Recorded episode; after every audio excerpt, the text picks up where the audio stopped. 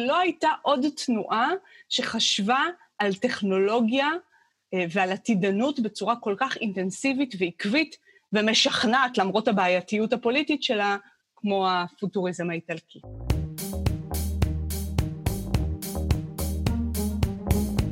המצב הפוסט-אנושי, אקטואליה בראי העתיד, פודקאסט על טכנולוגיה, תרבות ורוח, עם דוקטור כרמל וייסמן.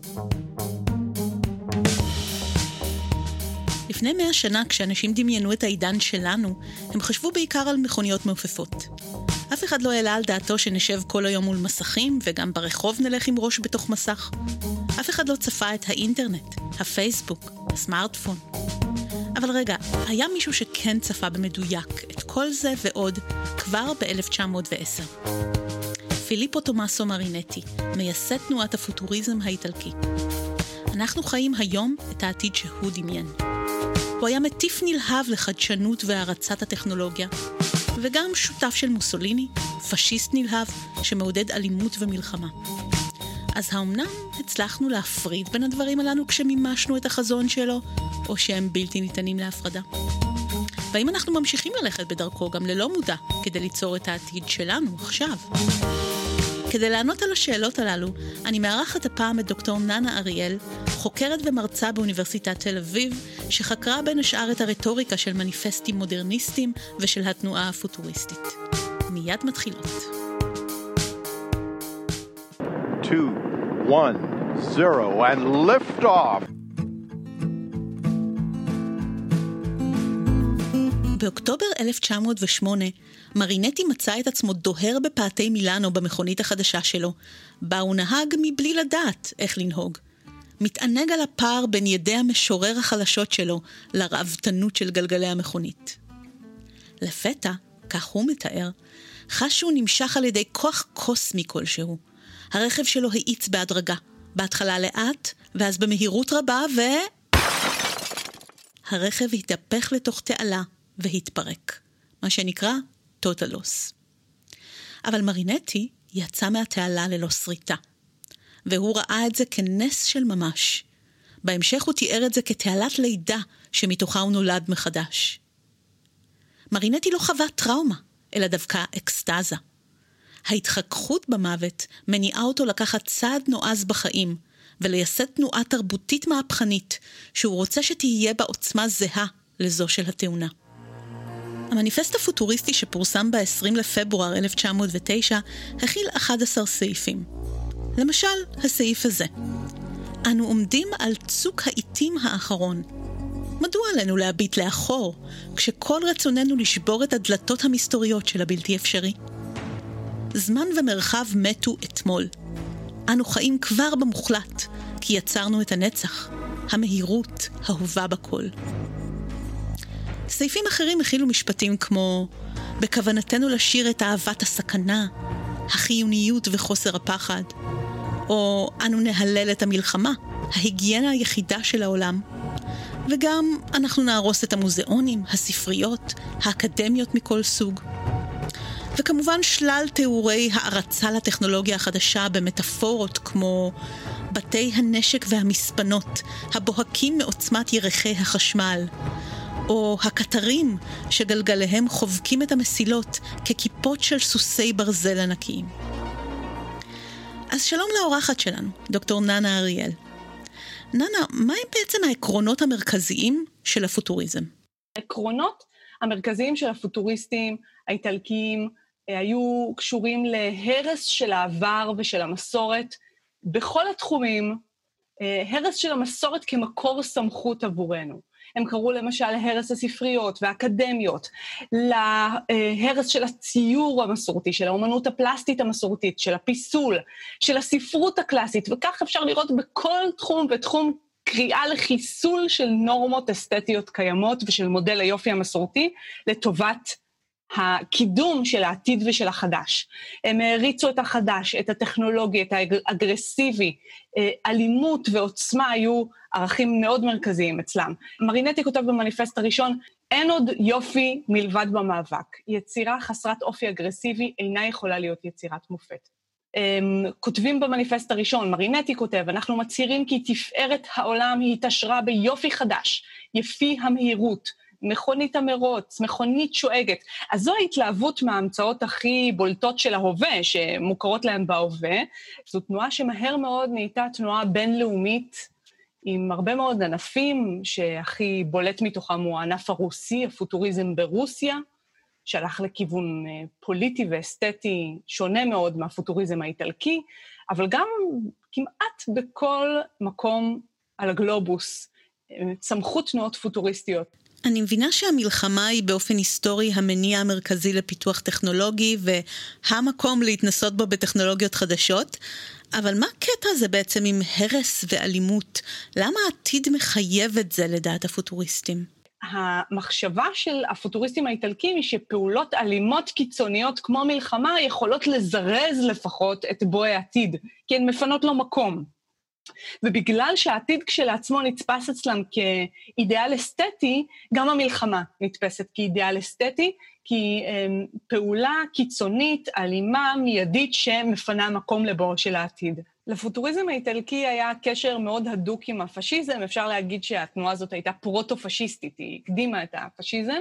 למרינטי היו כל מיני קשרים מורכבים אה, עם, עם מוסוליני.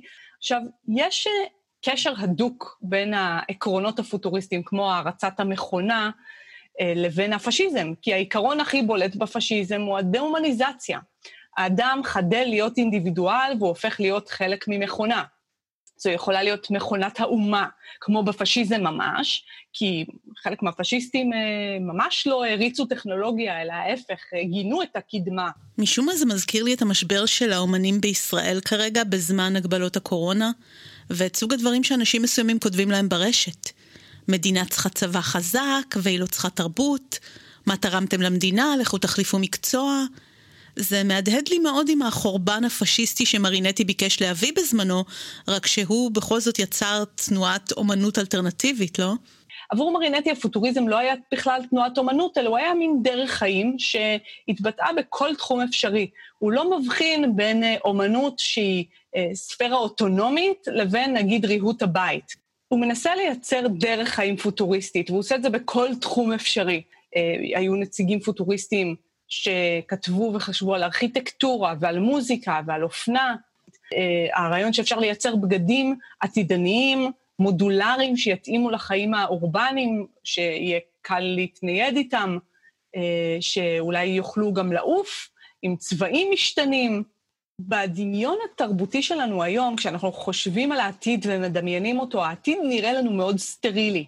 אנחנו חושבים, נכון, על קפסולות כאלה לבנות, על צמצום, על, אה, על הרבה לבן, ואנחנו, ו, ומצד שני, הפוטוריסטים דמיינו עתיד, אה, עתיד, את העתיד מאוד אחר, הם דמיינו אותו כעתיד מאוד חושני, צבעוני, הם דיברו גם על בישול פוטוריסטי שמערב את כל החושים. אה, בבישול הפוטוריסטי, כמו שבכל תחום ותחום יש ניסיון אה, להיפטר מהנורמות של העבר ושל המסורת לטובת העתיד, אז גם אה, בבישול הפוטוריסטי, אם בציור הפוטוריסטי אנחנו מחסלים את הציור הקלאסי ובפיסול את הפיסול הקלאסי, ובמוזיקה את המוזיקה ההרמונית, אז בבישול במה נבעט? נבעט בפסטה. אחד העקרונות uh, הפוטוריסטיים היה לבטל את הפסטה בתור מאכל מסורתי, שגם מאוד מכביד על העיכול והופך אותנו לאיטיים כאלה, וגם uh, מעכב את הייצור המקומי. אז כחלק מהמהפכת הדגנים הפשיסטית, שגם מוסוליני היה קשור אליה, הם ביקשו לחזור למשל לאורז, וגם להכניס טעמים חושניים הרבה יותר רדיקליים. כמו אה, מאכל שספוג בריח של גולות של פלדה, אה, או משקאות מעוררי חושים כמו קמפרי, אה, לעומת היין, אם היין מכביד על, על החושים, מרדים אותנו, הקמפרי, שהוא גם אה, משקה מקומי, מעורר אותנו.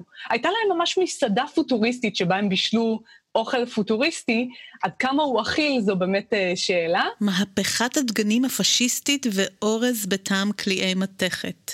וואו, זה נשמע נושא נפלא לפרק שלם בפודקאסט בנושא אחר לגמרי. אבל לענייננו, צריך להבין רגע את ההקשר ההיסטורי כדי לקלוט למה נפל דבר פה. בתקופה שלנו זה כל כך נפוץ לדבר על העתיד, שקשה להבין כמה זה לא היה ככה לפני תנועת הפוטוריזם. לפני זה העתיד היה בעיקר ניסיון לחזור לעבר, להחזיר עטרה ליושנה, מה שנקרא. אפילו פרנסיס בייקון, מאבות המהפכה המדעית, האמין שהידע שאנחנו מגלים הוא לא חדש, אלא ידע אבוד שהיה ידוע ביוון העתיקה או לשלמה המלך, ואנחנו עתידים לגלות אותו מחדש במדע. אז תפיסת חדשנות שלא קשורה לעבר, זה מה שחדש פה. והפוטוריזם היה זה שהציע את הרעיון הזה. ההשראה שלהם הייתה שפע ההמצאות הטכנולוגיות חסרות התקדים שהתרחשו בו זמנית במאה ה-19 בתחבורה ובתקשורת, ומרינטי הציע שזה הזמן לאפשר לעצמנו להמיר את ערכי המסורת והדת בערכים שמגולמים בטכנולוגיה הזאת. המהירות, הסימולטניות והדינמיות. בכל תחומי החיים, כמו שאמרת. אבל משום מה הם נזכרים או נלמדים בעיקר כתנועה אומנותית, הפוטוריזם. ואת זה אולי אנחנו רוצות לתקן היום. אם חושבים על התנועה הפוטוריסטית כתנועת אומנות, זו הייתה תנועה יחסית שולית, יחסית לתנועות אחרות, תנועות אוונגרד ותנועות מודרניסטיות שצמחו בתקופה הזאת, למשל הקוביזם, או הסוריאליזם, או האקספרסיוניזם. אז אפשר להגיד שההשפעה העיקרית שלה היא לא הייתה השפעה כתנועת אומנות, אלא השפעה כתנועה ש... הרגישה משהו בזרמי העומק של המחשבה על העתיד במאה ה-20, והקדימה בהרבה מאוד את מי שאנחנו תופסים אותם כחלוצי המדע הבדיוני, שהתחילו רק בשנות ה-50 של המאה ה-20. הסרט מטרופוליס של פריץ לנג, שהיה סרט המדע בדיוני שנחשב בין, בין סרטי המדע הבדיוני הראשונים, היה סרט אקספרסיוניסטי אמנם, אבל הוא הושפע מאוד מהמודלים הארכיטקטוניים של אנטוניו סנטאלי הפוטוריסט, ו... למעשה, כשאנחנו חושבים על הבניינים שאנחנו מכירים היום, עם הארכיטקטורה שיש בה זכוכית ומתכת, הם מאוד דומים לשרטוטים החלוציים האלה של סנטליה. הפוטוריסטים אה, חזו כמה מההתפתחויות הטכנולוגיות שהיום נראות לנו מובנות מאליהם. הם השתמשו בסמלים טיפוסיים שהם חזרו אליהם שוב ושוב, כמו מטוס סילון, מכונית מרוץ, האדם טורפדו של מרינטי, שהוא אדם שמתמזג עם מכונת הלחימה ויוצר מין סייבורג או היבריד כזה. בעצם ההיתוך הזה בין האדם למכונה, זה משהו שהוא חווה בתאונת המכונית שלו. איך שהמכונית מאפשרת לו להאיץ וגם מגינה עליו מפני הסכנה, וזה השורש של דימוי הסייבורג שהיום כל כך רווח. אם תחשבו על המדע הבדיוני הוויקטוריאני, משה אלחנתי למשל כותב על זה, שכל הטכנולוגיות אצל ז'ול ורן הן שריון של ביטחון, שמאפשרות לג'נטלמן האנגלי לשמר את אורח החיים שלו ולהרגיש בבית בזמן שהוא יוצא להרפתקה מסוכנת. רכבת מהירה, צוללת, קליע לירח, ובפנים ריהוט סלון, יצירות אומנות על הקירות, ככה מכרו לנו טכנולוגיה לתודעה שלנו כהרפתקה בטוחה. החידוש של מרינטי היה לא לחפש ביטחון בטכנולוגיה, אלא את הסכנה. הוא חשב שפחד זה דבר טוב, כי זה סוג של דחף שכופה עלינו להתעלות על עצמנו. ומתוך ההיתוך אדם-מכונה הזה, יפציע העל-אדם הניטשיאני. כל זה אולי נשמע טוב, עד שזה עמד במבחן של מלחמת העולם הראשונה, שבה נהרגו הרבה פוטוריסטים. אבל למרות שהפוטוריזם דעך לכאורה, הוא בעצם הוגשם. אנחנו העתיד של מרינטי. המשכנו לרוץ מהר ומהר יותר, כמו שהוא חלם וביקש.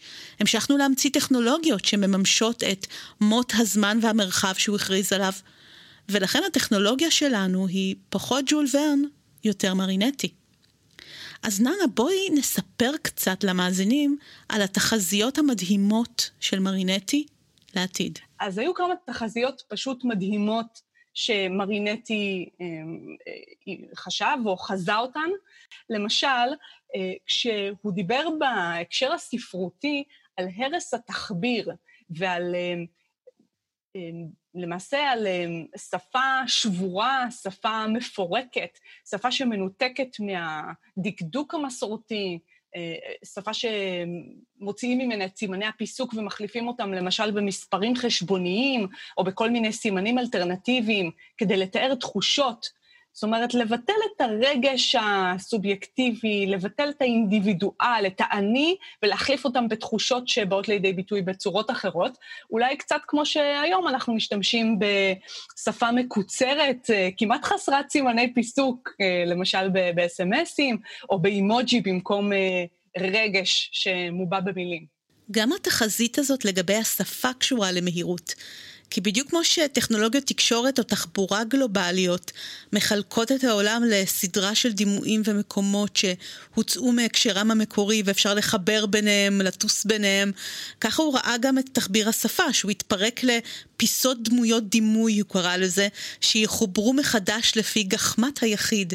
וזה בעצם המשמעות של הרס התחביר, וזה תיאור מדויק של אימוג'י, שאנחנו כותבים בהם משפטים לפי איך שבא לנו, בלי דקדוק, ואחרים לא תמיד מבינים. אז מה עוד הוא חזה שככה באמת אה, מפתיע וייחודי? בטקסט של מרינטי, מלחמה חשמלית, חזון פוטוריסטי מ-1911, הוא כותב על איזה שהם חיים עתידניים, בתוך אנרגיה שתעבור ללא כבלים במשך מיליוני קילומטרים ותישלט על ידי מקלדות, ככה הוא כותב, תישלט על ידי מקלדות. הוא מדבר על אנשים שיחיו מאחורי קירות של ברזל וזכוכית. הוא מדבר על אנשי העתיד שיכתבו בספרים מניקל, שלא יהיו עבים יותר משלושה סנטימטרים, שיעלו לא יותר משמונה פרנקים ויכילו אף על פי כן מאות אלפי עמודים. זאת אומרת, אנחנו ממש מדברים על, אה, על כתיבה בסוג של אייפדים, והכל פה נכון, העובי, הקלות של הכתיבה, האלפי עמודים שמוכנסים לתוך מכשיר דק, אולי רק השמונה פרנקים, או אולי בזה אנחנו עדיין לא שם, זה עדיין קצת מכשירים קצת יותר יקרים מזה, אבל הם נהיים יותר ויותר זולים. הוא כותב בטקסט הזה ממש גם על שימוש בטלפונים ניידים, כך, כך הוא כותב, ממש טלפונים ניידים. אה, בטקסט אחר הוא כותב על תקופה שבה לא נתעניין כל כך במה שעשו אבותינו, אבל נתעניין מאוד במה שכל אחד עושה בו זמנית בחלק אחר של העולם, אם רציתם פייסבוק. זה מדהים, כלומר הווירטואליות היא ביטוי של הרס הזמן והמרחב שהוא כל הזמן מדבר עליו. ובעיניי יש ציטוט עוד יותר מדהים. כחלק מהרס הזמן והמרחב על ידי מהירות טהורה, הוא חוזה שמקומות כמו בתים וערים שכרגע מאפשרים לבני אדם יציבות בזמן ובמרחב, יהרסו על מנת לפנות מקום למקומות מפגש ארעיים של מכוניות ומטוסים. אז הוא מדבר על הטכנולוגיה שהוא מכיר אז, אבל היום המטוס הוא האלגוריתם. זו הטכנולוגיה המהירה שמותירה אותנו מאחור ועליה דיברנו בפרק שעבר גם, אז היום באמת בניינים בלב מנהטן מתרוקנים מבני אדם כדי לפנות מקום לשרתים, כדי לקרב אה, אלגוריתמים של מסחר בוול סטריט בכמה מיקרו שניות קריטיות למקום שממנו מופצת שדרת האינטרנט במרכז העיר מ carrier hotel. אמ, היה עוד משהו רלוונטי לימינו שראוי לאזכור? בטקסט שלו, האדם המשוכפל בעידן שליטת המכונה, גם מ-1911, הוא מדבר על יופי מכני. הוא מדבר על חיסול של אידיאל האהבה הרומנטית לטובת האהבה המכנית. עכשיו, הוא לא היה הראשון שדיבר על אה, אהבה בהקשר של טכנולוגיה ושל מכונה, אפשר לחשוב למשל על איש החול של אתה הופמן, מהמאה ה-19 ובכלל על הרומנטיקה הגרמנית. מה שמיוחד בדיבור על אהבה מכנית ועל אהבת המכונה ברגע של תחילת המאה ה-20, הוא שמדובר ברגע שבו היסטורית יש באמת אוסף מרוכז של חידושים טכנולוגיים שהיו מרחיקי לכת. אה, זה היה הלם החדש, כמו שרוברט יוז קרא לזה. היה טלפון פתאום, וטלגרף, ורדיו, ומצלמה, ומנוע חשמלי, מכונית, מכונת ירייה, סינמטוגרף. אז זה לא מפתיע שבעידן כל כך אינטנסיבי של חידושים טכנולוגיים, הדמיון העתידני והפטישיזם של המכונה פתאום אה, פורח. והאמת שהיום, במפנה המאה ה-21, אני חושבת שאנחנו נמצאים במצב דומה, עם מהפכה טכנולוגית שלא נופלת מזו של מפנה המאה ה-20, ולכן אולי זה לא מפתיע שאנחנו מקבלים כל כך הרבה דימויים של, שהם אה, דיסטופיות טכנולוגיות. הסתובב לאחרונה בפייסבוק ציור ממגזין איטלקי משנות ה-60 בשם אה, שנת 2022, שבו רואים פקק של אנשים במכוניות יחיד כאלה צפופים, שזה בעצם קורקינטים אבל עם בועת זכוכית. וזה מאוד הזכיר את הציורים הפוטוריסטיים הקלאסיים של אנשים עם גלגלים, על גלגלים. באמת כשאני נוסעת בתל אביב ברכב ובכל רגע חותכים אותי קורקינטים וטסים על פניי שליחים עם אופניים חשמליות, וגם כשאני הולכת ברגל, אני כל הזמן כמעט נדרסת על ידי אנשים על ההוברבורדים, סגווי, אפילו כאלה על מעין גלגל אחד כזה במקום רגליים. אז אני חושבת על מרינטי, שאנחנו באמת עדיין רצים לכל מקום ומחפשים את המהר, וזאת המורשת המרכזית של הפוטוריזם שמגדירה אותנו גם היום. עצם זה שקיימת תנועת ההאטה, זה הכרה בערך הזה של ההאצה שנמצא במרכז התרבות, ששם אותנו בריצת אמוק כזאת. I ran, I ran,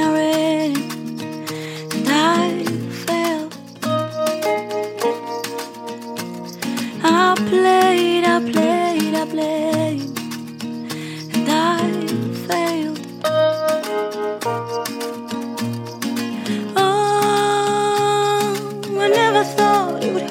like this. I ran, I ran, I ran, and I fell. I played, I played, I played.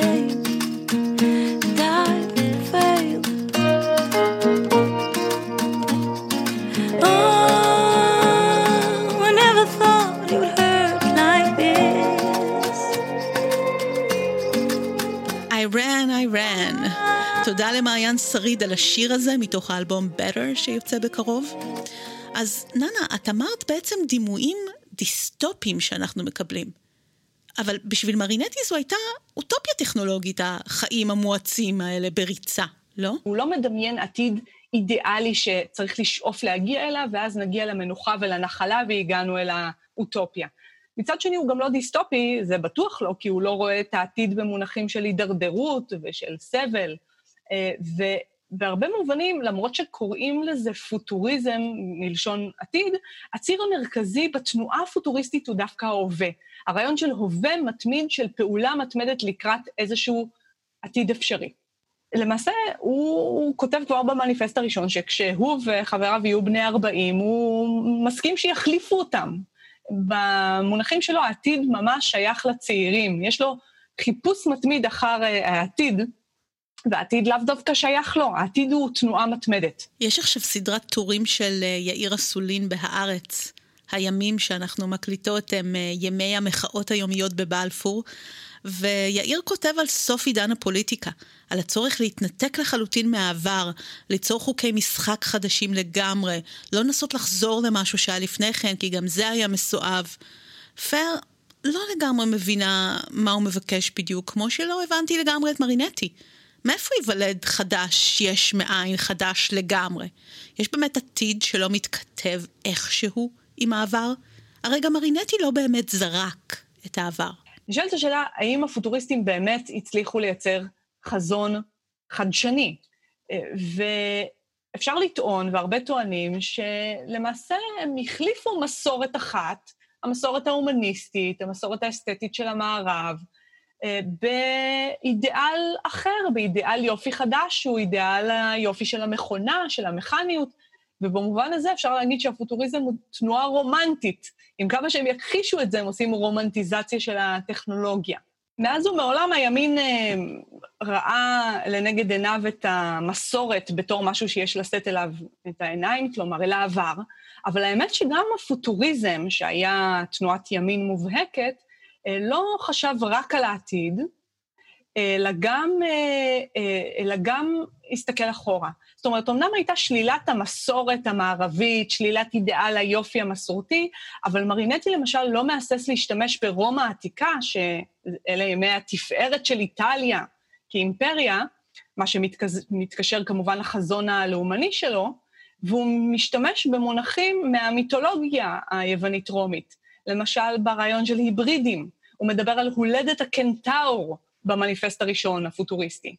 אז המחשבה שלו היא על סייבורג ביומכני, על מיזוג של אדם ומכונה, אבל הוא מתייחס לאידאל הזה במונחים של היבריד מהמיתולוגיה.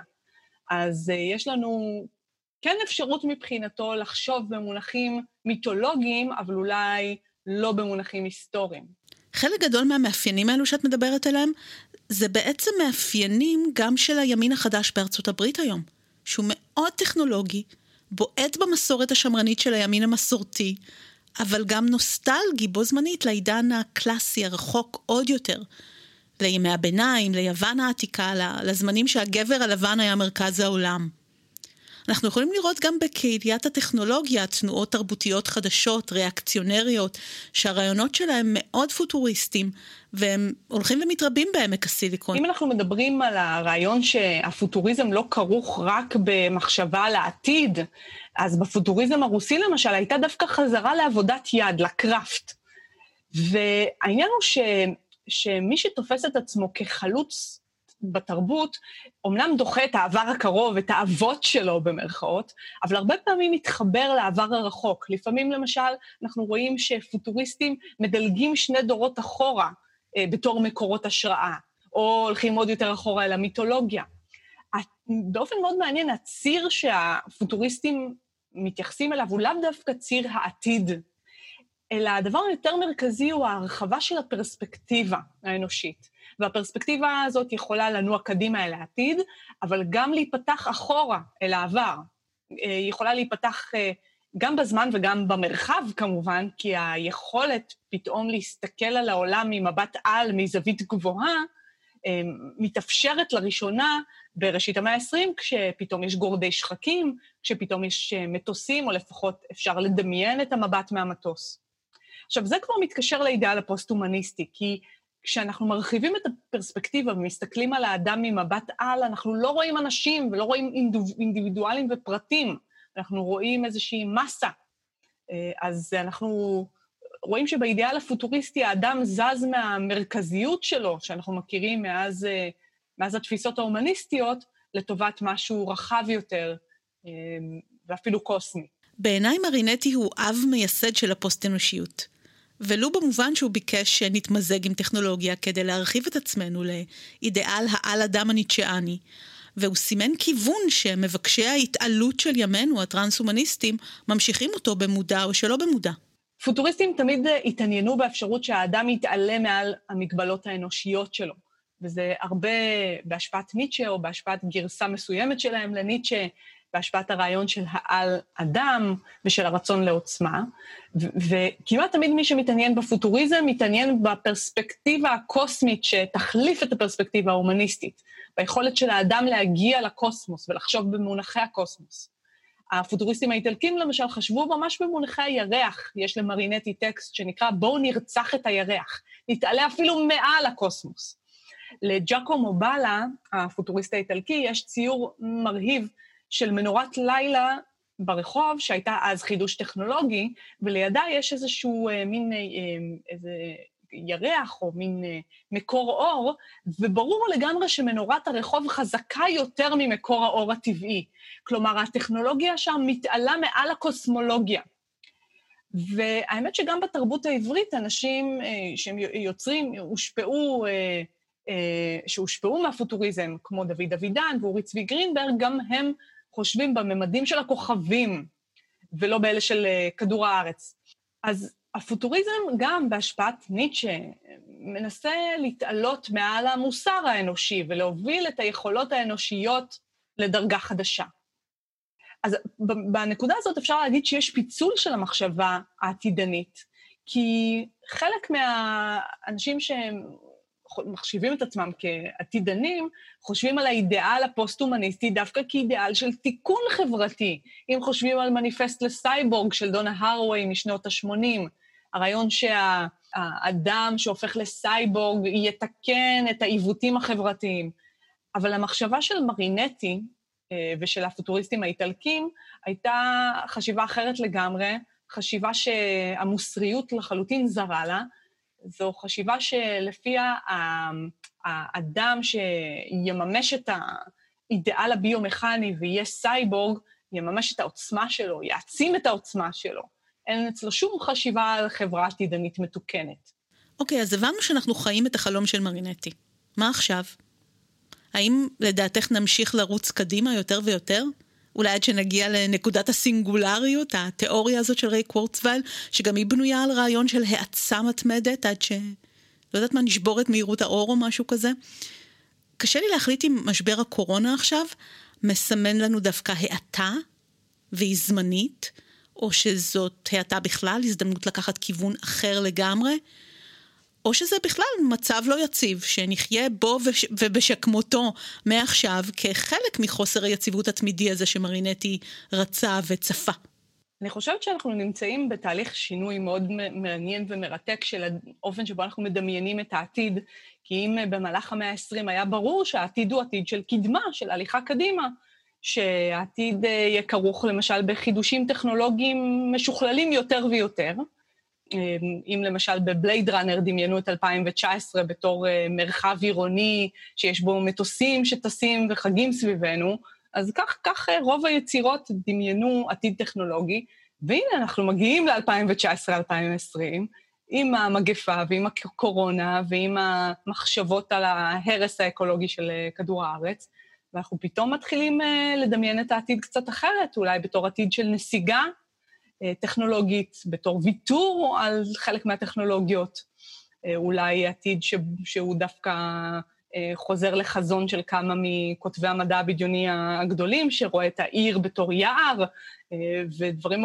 שהם אולי קצת שונים מהחזון העתידני של, של מרינטי. בעיניי הלקח המרכזי פה זה שדברים טובים לא באים במהפכות קיצוניות, אלא באבולוציה נינוחה. כזאת שמאפשרת תמהיל של ביטחון וחוסר יציבות. משהו שאפשר לעכל אותו ולצמוח ממנו ולא מפיל אותנו בצד הדרך וממשיך לטוס בלעדינו, כמו שאנחנו מדמיינים את הטכנולוגיה היום, בחזונות כמו הסינגולריות. אני חושבת שהרבה מאוד אנשים מייחלים היום לאפוקליפסה, מתוך תפיסה דומה לזאת של מרינטי. מתוך מחשבה שאולי לא נוכל לפרוץ את הסיאוב והסבך של הקיים בלי ההרס שלו. רק אז נוכל להתחיל מחדש מיסודות אחרים. אני חושבת שאנחנו צריכים להודות שאצל כולנו יש הפנמה של משהו מהיסודות הפשיסטיים האלה, גם אם אנחנו לא מודים בזה. למשל, כשאנחנו נהנים מסרטי אסונות, ואני חייבת להודות שאני באופן אישי מאוד מאוד אוהבת סרטי אסונות, אנחנו רואים הרס של העולם, ואנחנו רואים אסתטיזציה מוחלטת של החורבן, מצד שני, כנראה שהעובדה שזה סרט קצת מגינה עלינו, זאת אומרת, אנחנו נותנים אה, חופש, לעצמנו חופש ליהנות מההרס, בגלל, שמדובר כביכול רק בסרט או רק ביצירת אומנות, שאנחנו יכולים להביע בה את התשוקה שיש לנו לחורבן ולאלימות.